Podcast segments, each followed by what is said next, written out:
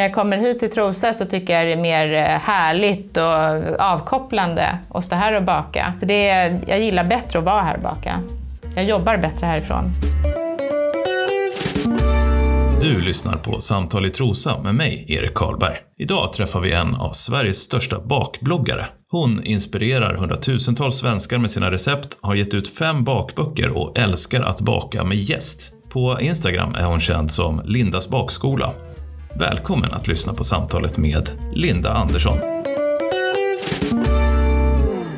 Eh, vem jag är i Trosa? Ja, jag är egentligen bara en vanlig...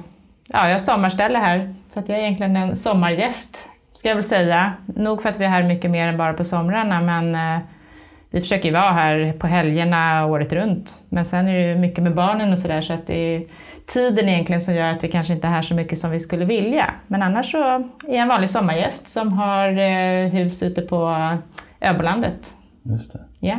Precis. Ehm, ja, och eh, hur länge har du haft det förresten?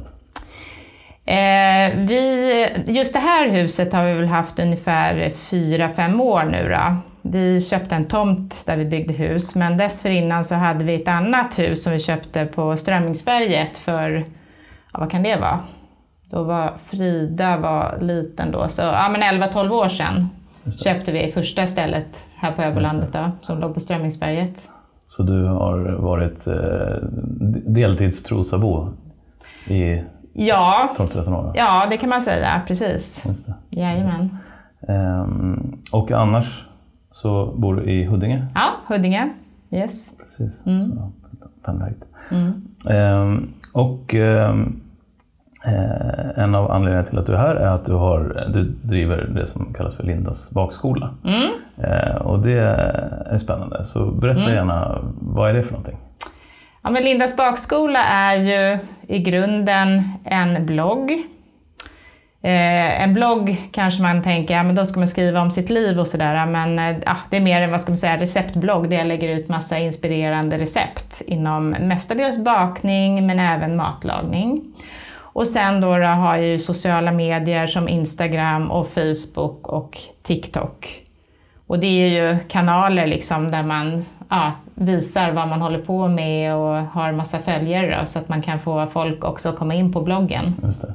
Men det är bloggen som är det centrala då, eller innehållet där? Och sen så... Ja, eller det var ju det från början, men nu ska jag nog säga att Instagram, att det är mer det centrala faktiskt. Det. Det är där man syns mest och sen många samarbetspartners jag har, många, det största intresset är faktiskt att göra samarbeten på Instagram Mm, numera. just det. Mm. Så, Så- det har förflyttat sig lite från blogg till Instagram, men man behöver båda delarna. De, de kompletterar ju varandra på olika sätt.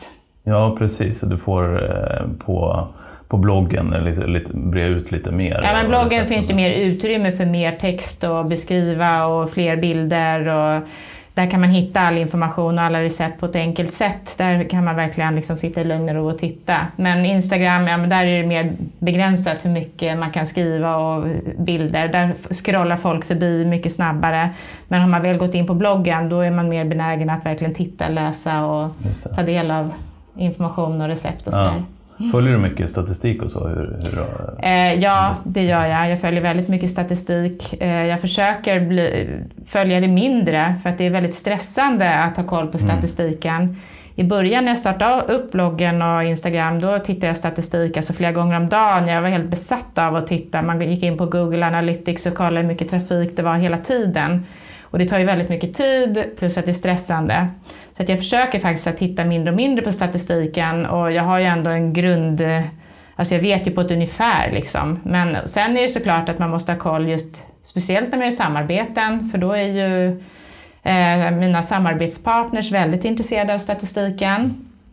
Så att det är klart man har koll, absolut. Men det får inte ta upp för mycket tid. Det är det som är nackdelen med statistik. ja, just det. Precis. Och det Fin- stressar. Ja, finns det risk att det påverkar innehållet eh, om man tittar för mycket på Ja, statistiken? men alltså det kan påverka innehållet, eh, absolut. För när man ser att det är inlägg som går väldigt bra, då kan det bli att man styr eh, innehållet och gör väldigt mycket av det innehållet. Att man eh, blir lite mer enkelspårig. Att man kanske struntar i att laga en viss typ av mat eller baka vissa saker för att man vet att ah, men det där går mycket bättre. Så att man satsar mer på det som har eh, hög statistik, bra statistik och så kanske man blir mer smal och enkelspårig istället. Så kan det bli, absolut. Precis. Vad, eh, och hur, hur går det till, eller hur går din, din vardag till eh, med det här bakandet? Bakar du varje dag? Eller hur, eh, hur Nej, inte varje dag, det gör jag inte. Utan jag försöker ha bakdagar. Just när jag bara liksom ska göra recept för att lägga ut på bloggen och sen på Instagram, då kan jag baka två, tre grejer, ibland fyra på en dag. Och sen har jag material som jag sparar då och så lägger jag ut det lite då och då. Eh, sen om jag gör samarbeten, det tar ju lite längre tid och sådär, då kanske det blir ett samarbete på en dag. Det kan ju vara väldigt olika hur lång tid det tar då, men då vill man verkligen känna att nu är inte jag stressad, nu har jag ingenting annat, utan då fokuserar man allting på samarbetet, för det är väldigt viktigt att det blir bra och det vill man lägga ner mycket tid på. Men eh, ja, man har lite olika vad man gör på dagarna men eh, det är såklart att mycket är just då i köket. Men det är minst lika mycket ska jag säga att sitta framför datorn också och ta hand om bilder, skriva recept, eh, hitta inspiration, klippa filmer. Det är mer och mer att man ska göra rörligt material. Eh, klippa små reels-filmer på Instagram och klippa ihop olika små klipp på um, TikTok och sådär. Så, så det tar också väldigt mycket tid att hålla på med sociala medier och bilder och filmer och så. Just det. Ja, det gäller att strukturera tiden på Ja, så står jag ett par timmar i köket så är det ju sen eh, minst lika lång tid att ta hand om allt material ja, som jag har då från bakningen. Vem äter upp allt? Som du bakar? Eh, eh, vi är en stor familj, vi är sju personer i familjen, så att det finns ju några hemma som kan, som kan äta, absolut. Eh, nej, men det, det står framme på bänken. Har man haft en bakdag så står det framme på bänken och då går vi och småäter lite alla i familjen och sen kanske barnen har några kompisar med sig hem och de äter ju mer än gärna. Eh, ibland kan jag ge till någon kompis eller jag har en väninna som jobbar på förskola och de tycker det är gott med bakverk och sådär. Mm. Så ibland ger man bort och ibland bara trycker man in det i frysen. Så mm. ligger det där, kanske inte ens blir uppätet men eh, ja, man försöker ibland ändå spara grejerna och tror att man ska äta det. Men sen om man väl ska bjuda gäster på någonting eh, bakat, då vill man att det ska vara nybakat. Mm, just det. Ja. Men då får du tajma in då, så att du får gäster precis efter. Ja, det är smart att stå till exempel en fredag och baka hela dagen och så har man gäster på kvällen. Perfekt. ja, ja. Just det, men då kanske det avslöjas då vad de får äta sen. Då. Ja, just det. Då har de redan sett det ja, på det. Instagram. Ja, precis. Um, hur, hur, om vi backar liksom innan det här med bloggen och så. Vad, mm. Hur kom du in på, på det här med bakning? Eh, jag har ju jobbat i tidningsbranschen innan och eh, jobbat som, eh, ja men dels så är jag ju journalist och sen har jag jobbat som layoutare. Jag har jobbat som redaktör, som redigerare på Aftonbladet, sen har jag jobbat på tidningen Föräldrar och Barn, en tidning som heter Hemtrevligt, ja men lite olika tidningar. Men sen den sista tidningen jag jobbade på, det var en tidning som hette Hembakat, alltså det var ju en baktidning. Och där jobbade jag i flera, flera år. Ja, men där gjorde jag allt. Från början så var jag layoutare, sen var jag layoutchef och sen så blev jag redaktör och sen eh, började vi göra massa bak, eller bakjobb, då, reportage till tidningen hemifrån. Så att eh, vissa dagar var man hemma och baka till tidningen. Och eh, sen skulle vi bli mer digitala, fick vi uppdrag och eh, då var min idé att jag kunde starta en bakblogg. När var det här i, i tiden? Mm, ja, vad ska vi se, jag startade väl bloggen början av 2014 tror jag. Ja, slutet av 2013 eller början av 2014, där någonstans. Så det är ett par år sedan nu. Och då var jag hemma en dag i veckan och bakade, för då tyckte i alla fall ledningen, jag jobbade på LRF Media då, som hade väldigt mycket tidning, tidningar i sitt förlag då, och eh, alla tidningar skulle bli mer digitala. Och när jag då kom med den här idén att starta en bakblogg så tyckte de att det var en jättebra idé. De eh, fastnade direkt och tyckte ja, fan vad bra, kör på det. Du, du kan vara hemma en dag i veckan. Eller först så här, hur ska det gå till? Eh, vi måste planera upp det här. Ja, men då var mitt förslag liksom att nej, men jag är hemma och bakar då och då. Ja, men kör en gång i veckan så att vi får ordentligt med recept på bloggen. Och tanken var ju då att driva trafik till Hembakats hemsida. Det var ju därför vi skulle bli mer digitala.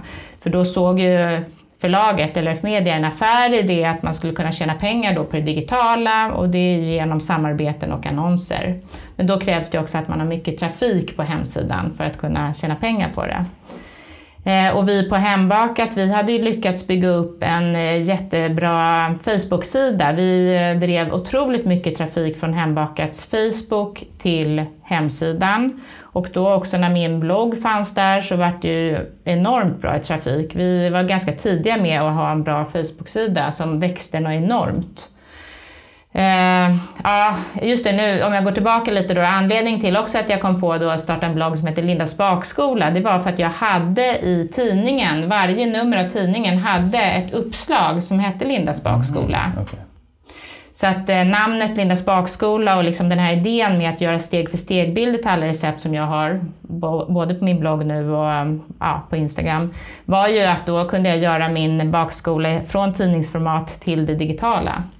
Så det var ganska ja, naturligt för mig. Jag läste mycket bloggar på den tiden och tyckte att ja, men det kul att köra en blogg som heter Lindas bakskola. Och, det här med den här steg för steg liksom bilderna och så, var det någonting nytt då eller var det?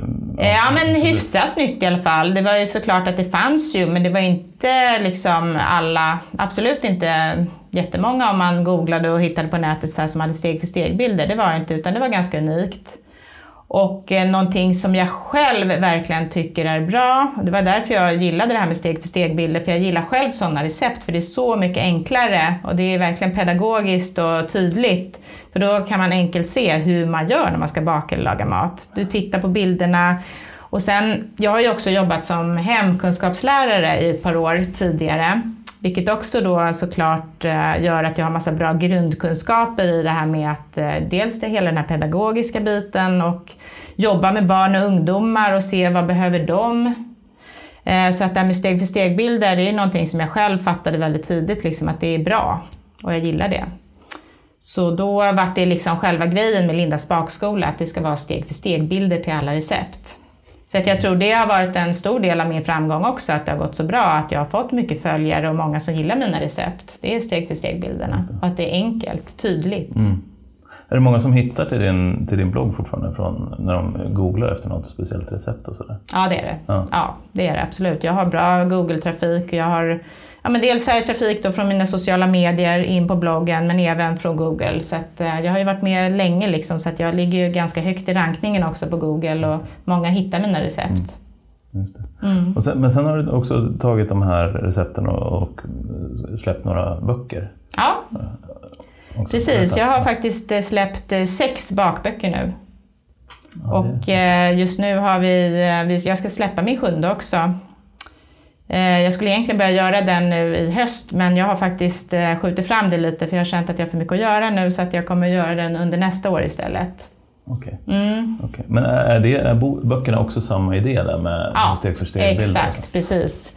Det är steg för steg-bilder till de recepten också och det är inte heller jättemånga bakböcker som har just steg för steg-bilder. Jag tror det är ganska unikt. Jag, har aldrig, jag vet ingen som har släppt sex böcker med steg för steg-bilder.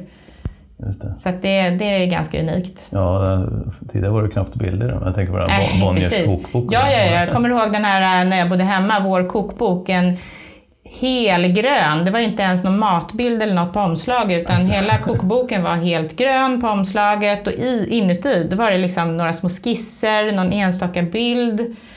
Eh, det var ju recept men inga bilder, helt ja. otroligt. Men det var ju det som fanns.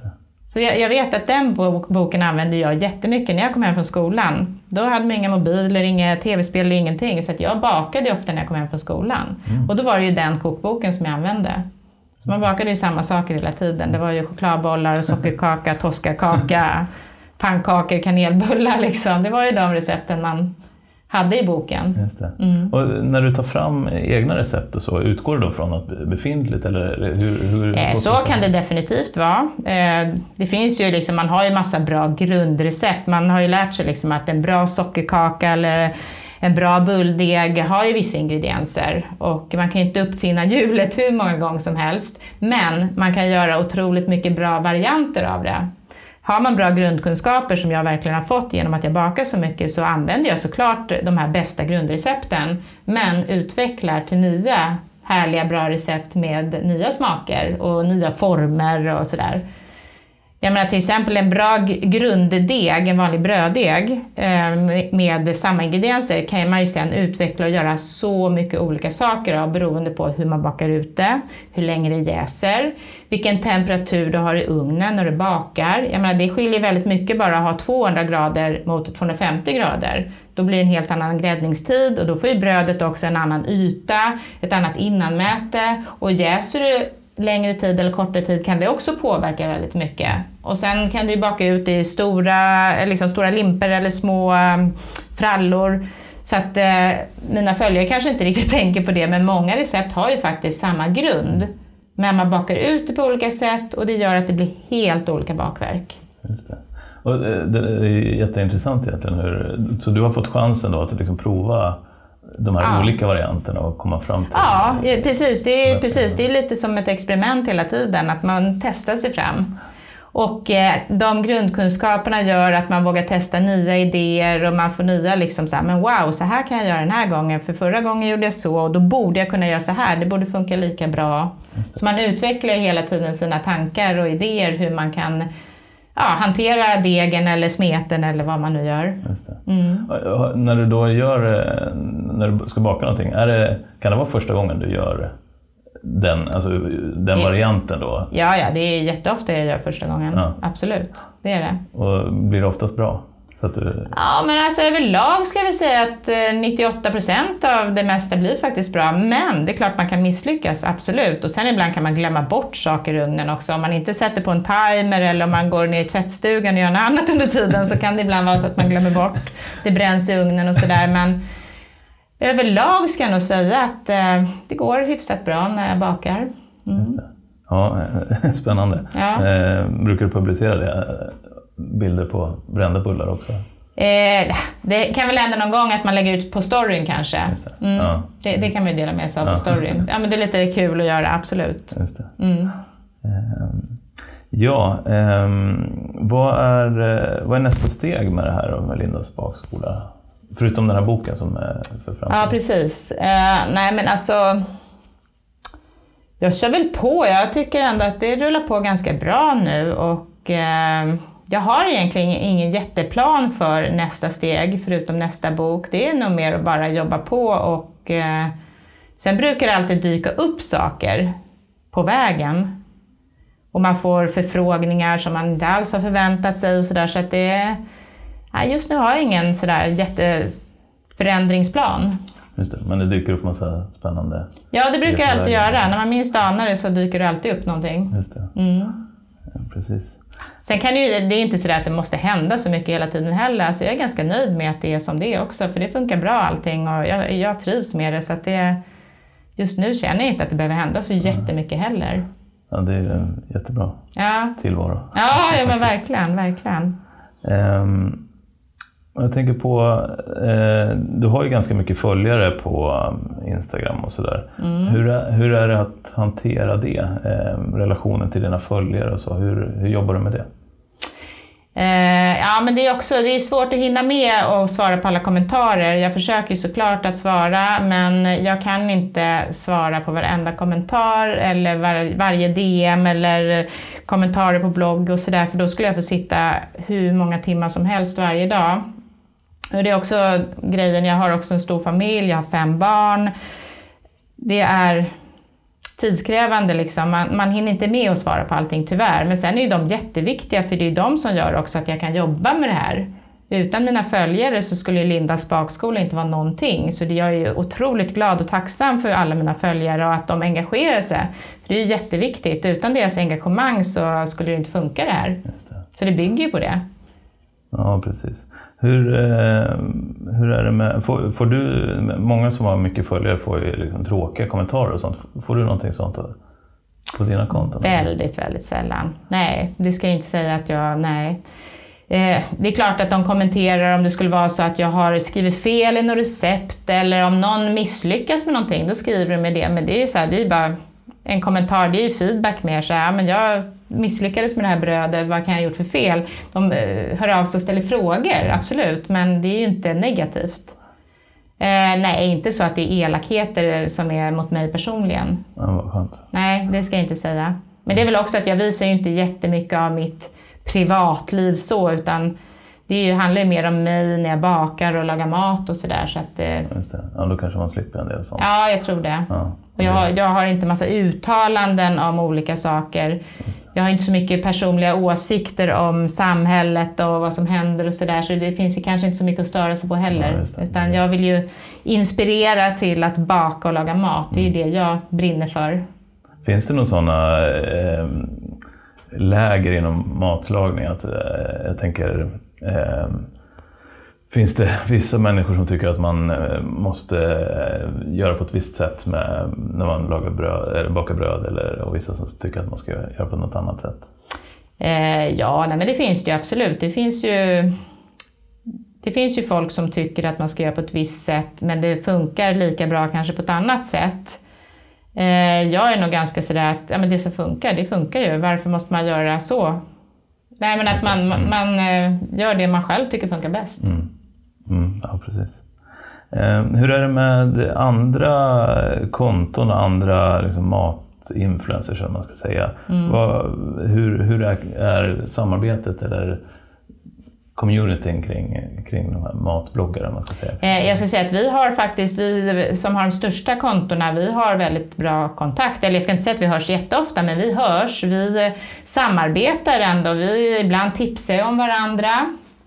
Och eh, om någon släpper en ny bok så brukar vi tipsa om det också. Och eh, nej, men vi ser varandra mer som, eh, det skulle ju aldrig funka att man är ensam på toppen liksom, och att det bara finns plats för en, för det gör det ju inte. Det finns ju plats för, för många olika. Och det gör ju också att vi stärker varandra, att vi finns här. Vi är flera mat och bakbloggare, vilket gör att det är liksom ett bra, starkt inte varumärke, vi har ju olika varumärken allihopa, men vi, det blir ju ändå så att ja, vi är flera stycken, vilket gör att det stärker oss alla.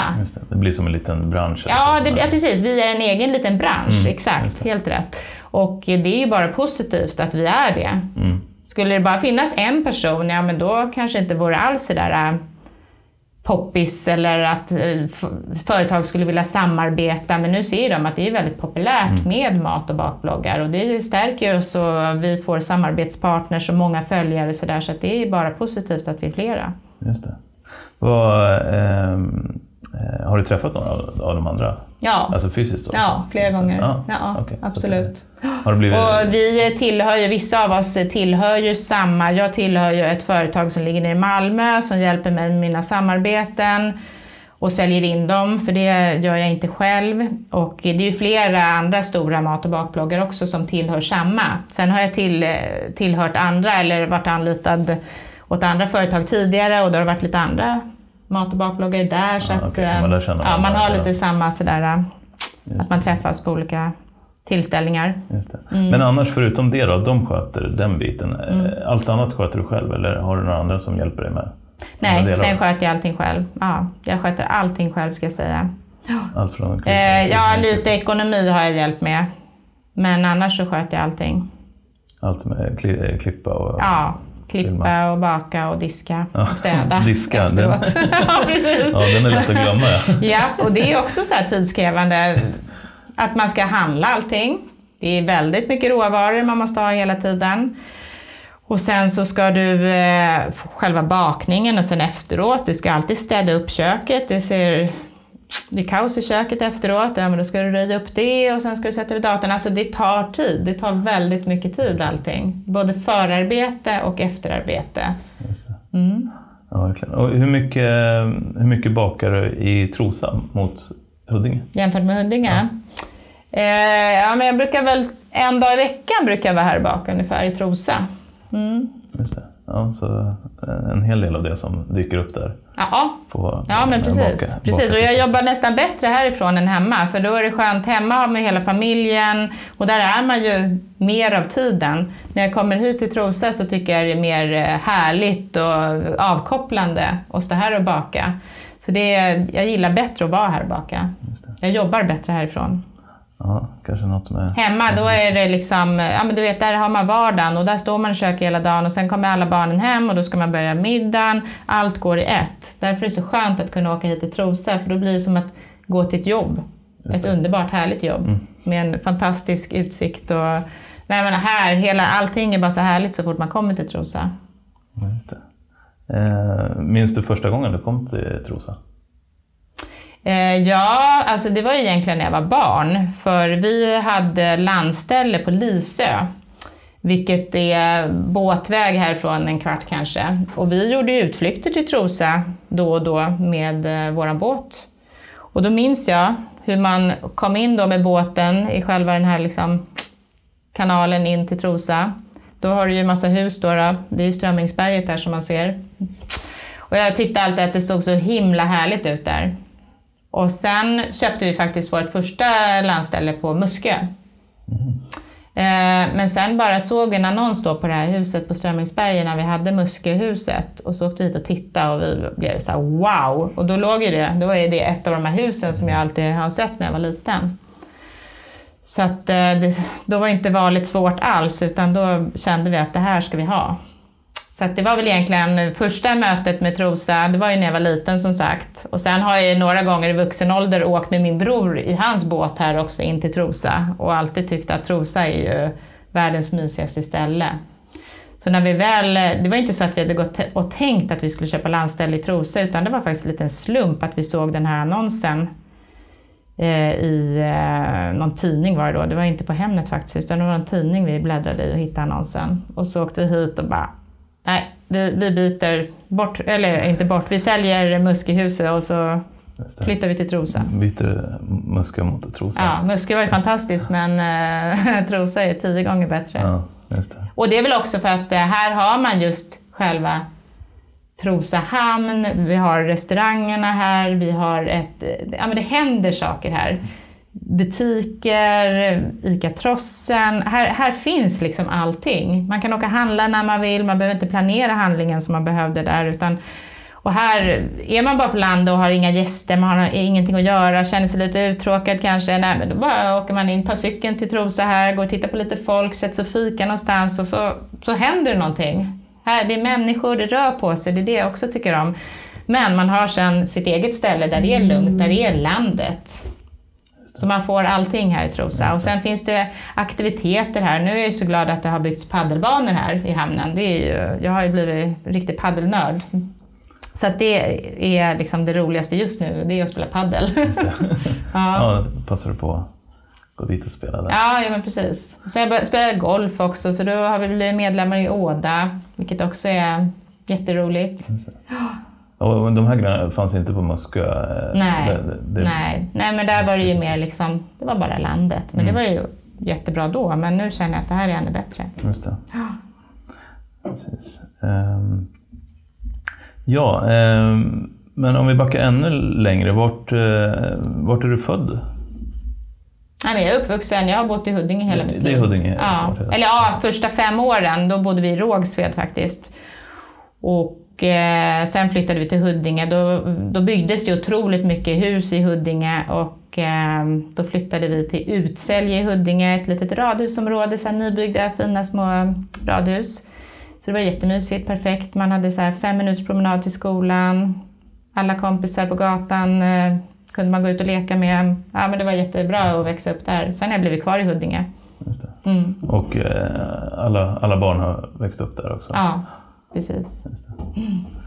Just det. Ehm, och eh, om, man jämför, om man jämför Huddinge med Trosa, vad, vad är grundskillnaderna?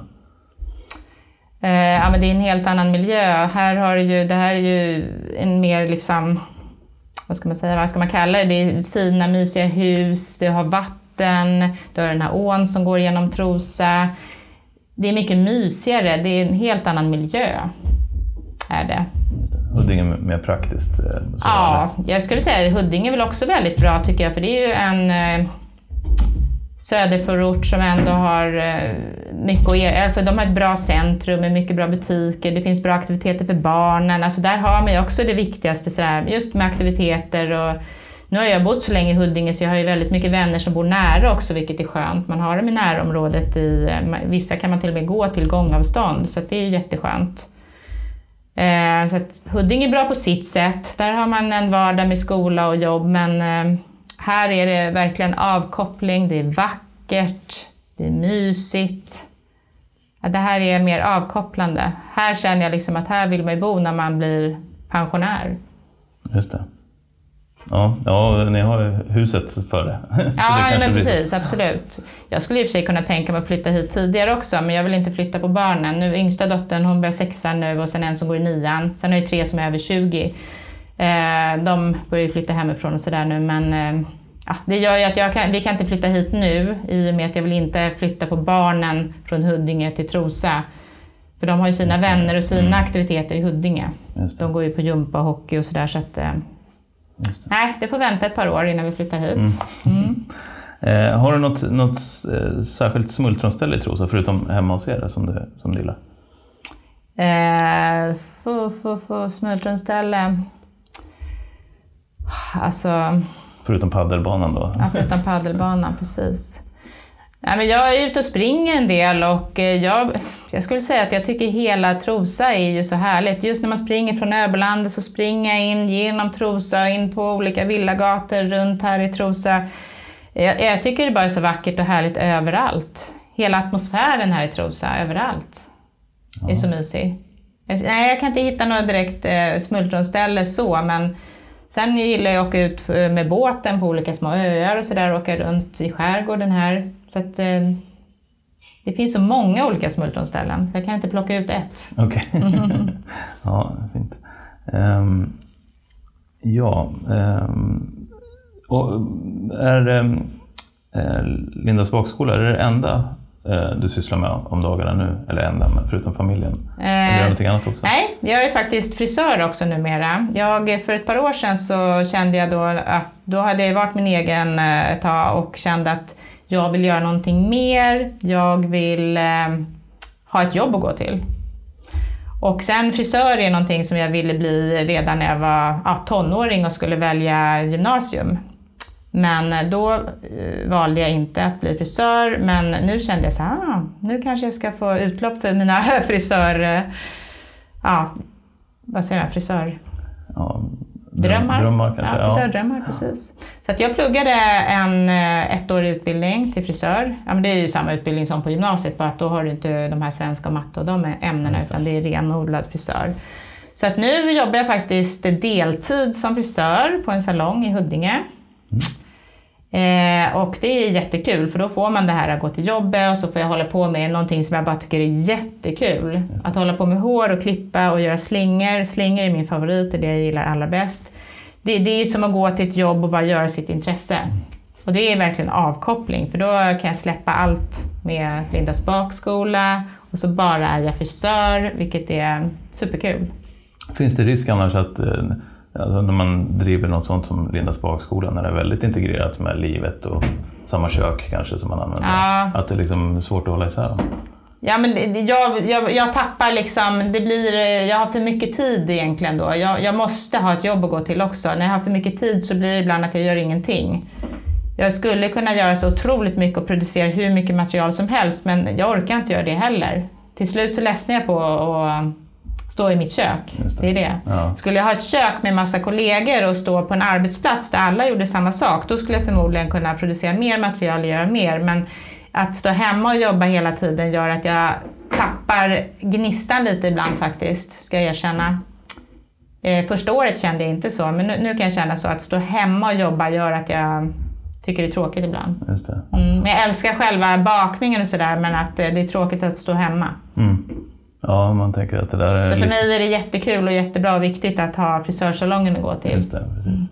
Undrar om det skulle kanske vara något för, för många som jobbar hemifrån med andra saker också nu för tiden, som kommer in i, i, i samma problem, att man sitter hemma och Det, jobbar. ja, men det där är lite intressant, för jag har ju många kunder nu som har jobbat hemma. Mm.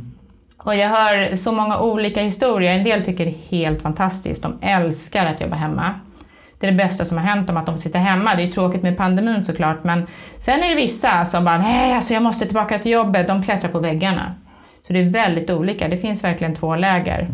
Och sen finns det ju de såklart som lite mellanmjölk som bara, ah, men två dagar i veckan skulle vara perfekt att åka in till kontoret och sen jobba hemma. Och det förstår jag. Ja, men det är lite där jag är också. Jag tycker också det är klart att börja ett heltidsjobb nu någonstans fem dagar i veckan och du måste jobba åtta till fem varje dag. Mwah, det vore lite svårt nu när man har haft det så här fritt i ett par år. Men eh, jag skulle faktiskt kanske, jag, jag vill inte jobba mer på salongen än vad jag gör nu, men ibland skulle jag vilja ha ett kontor att gå till. Jag kan sakna det här när jag jobbade på tidning.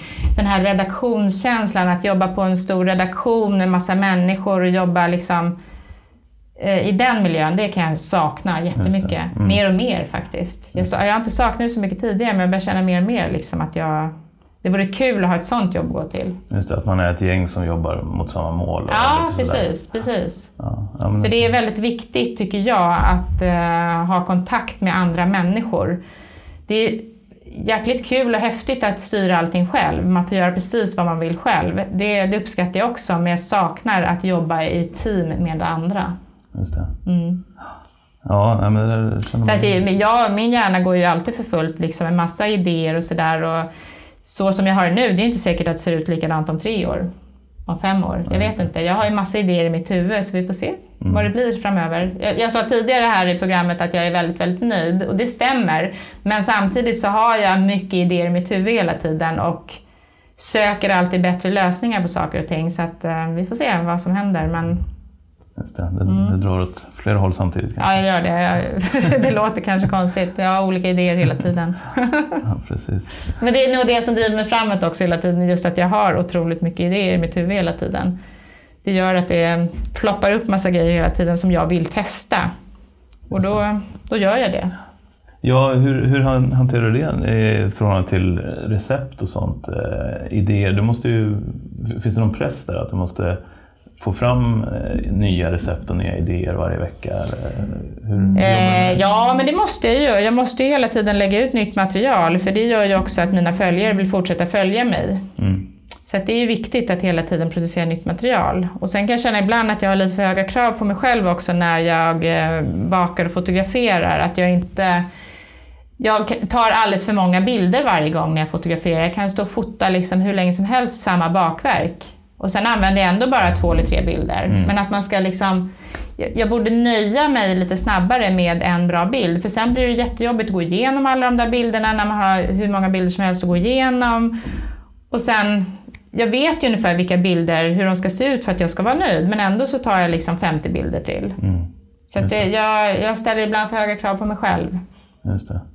Ja, och det där fenomenet eh, med, med digitalkamera är att man tar, kan ta, jag vet själv när jag tar vilken bild jag än tar, ja. så tar jag liksom ja. tio bilder bara. Ja, man tar alltid liksom ifall att. Ja. ja.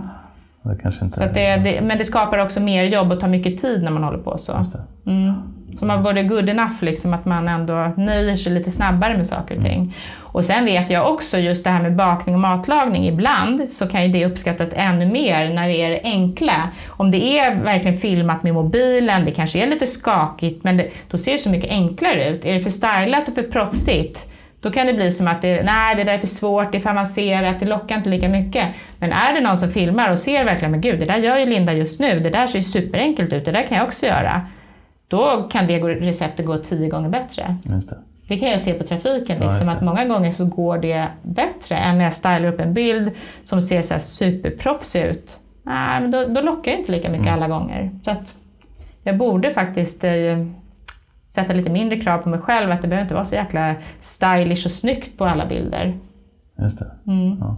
Vad, eh, de här olika recepten, har du något eh, favoritrecept eller något som du tycker du är extra eh, Nej, alltså jag älskar ju att baka bröd med jäst.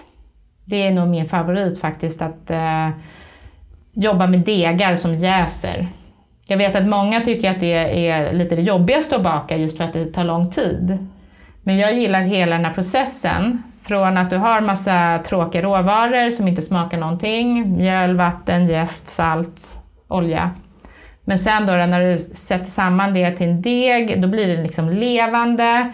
Du följer den från att den är en deg till den växer, den jäser, du formar den, man gräddar den. Alltså jag älskar hela den här processen.